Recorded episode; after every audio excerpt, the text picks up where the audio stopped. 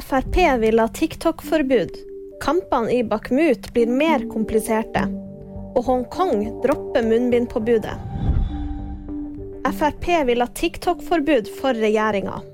Frp vil ha forbud mot den kinesiske appen TikTok på jobbtelefonene til alle i regjeringsapparatet og departementene. Det skriver Dagbladet.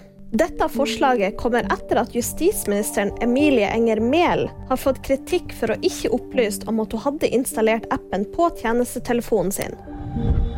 Kampene i Bakhmut blir mer og mer kompliserte. Ukrainas president Volodymyr Zelenskyj advarer om at situasjonen rundt fronten ved byen Bakhmut stadig blir vanskeligere.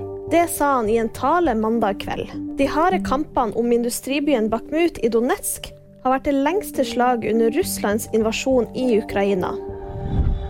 Etter tre år har Hongkong bestemt seg for å droppe munnbindpåbudet.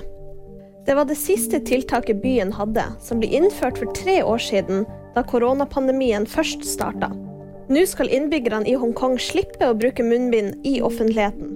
Det var VG-nyheter, og de fikk du av meg, Live Auskar.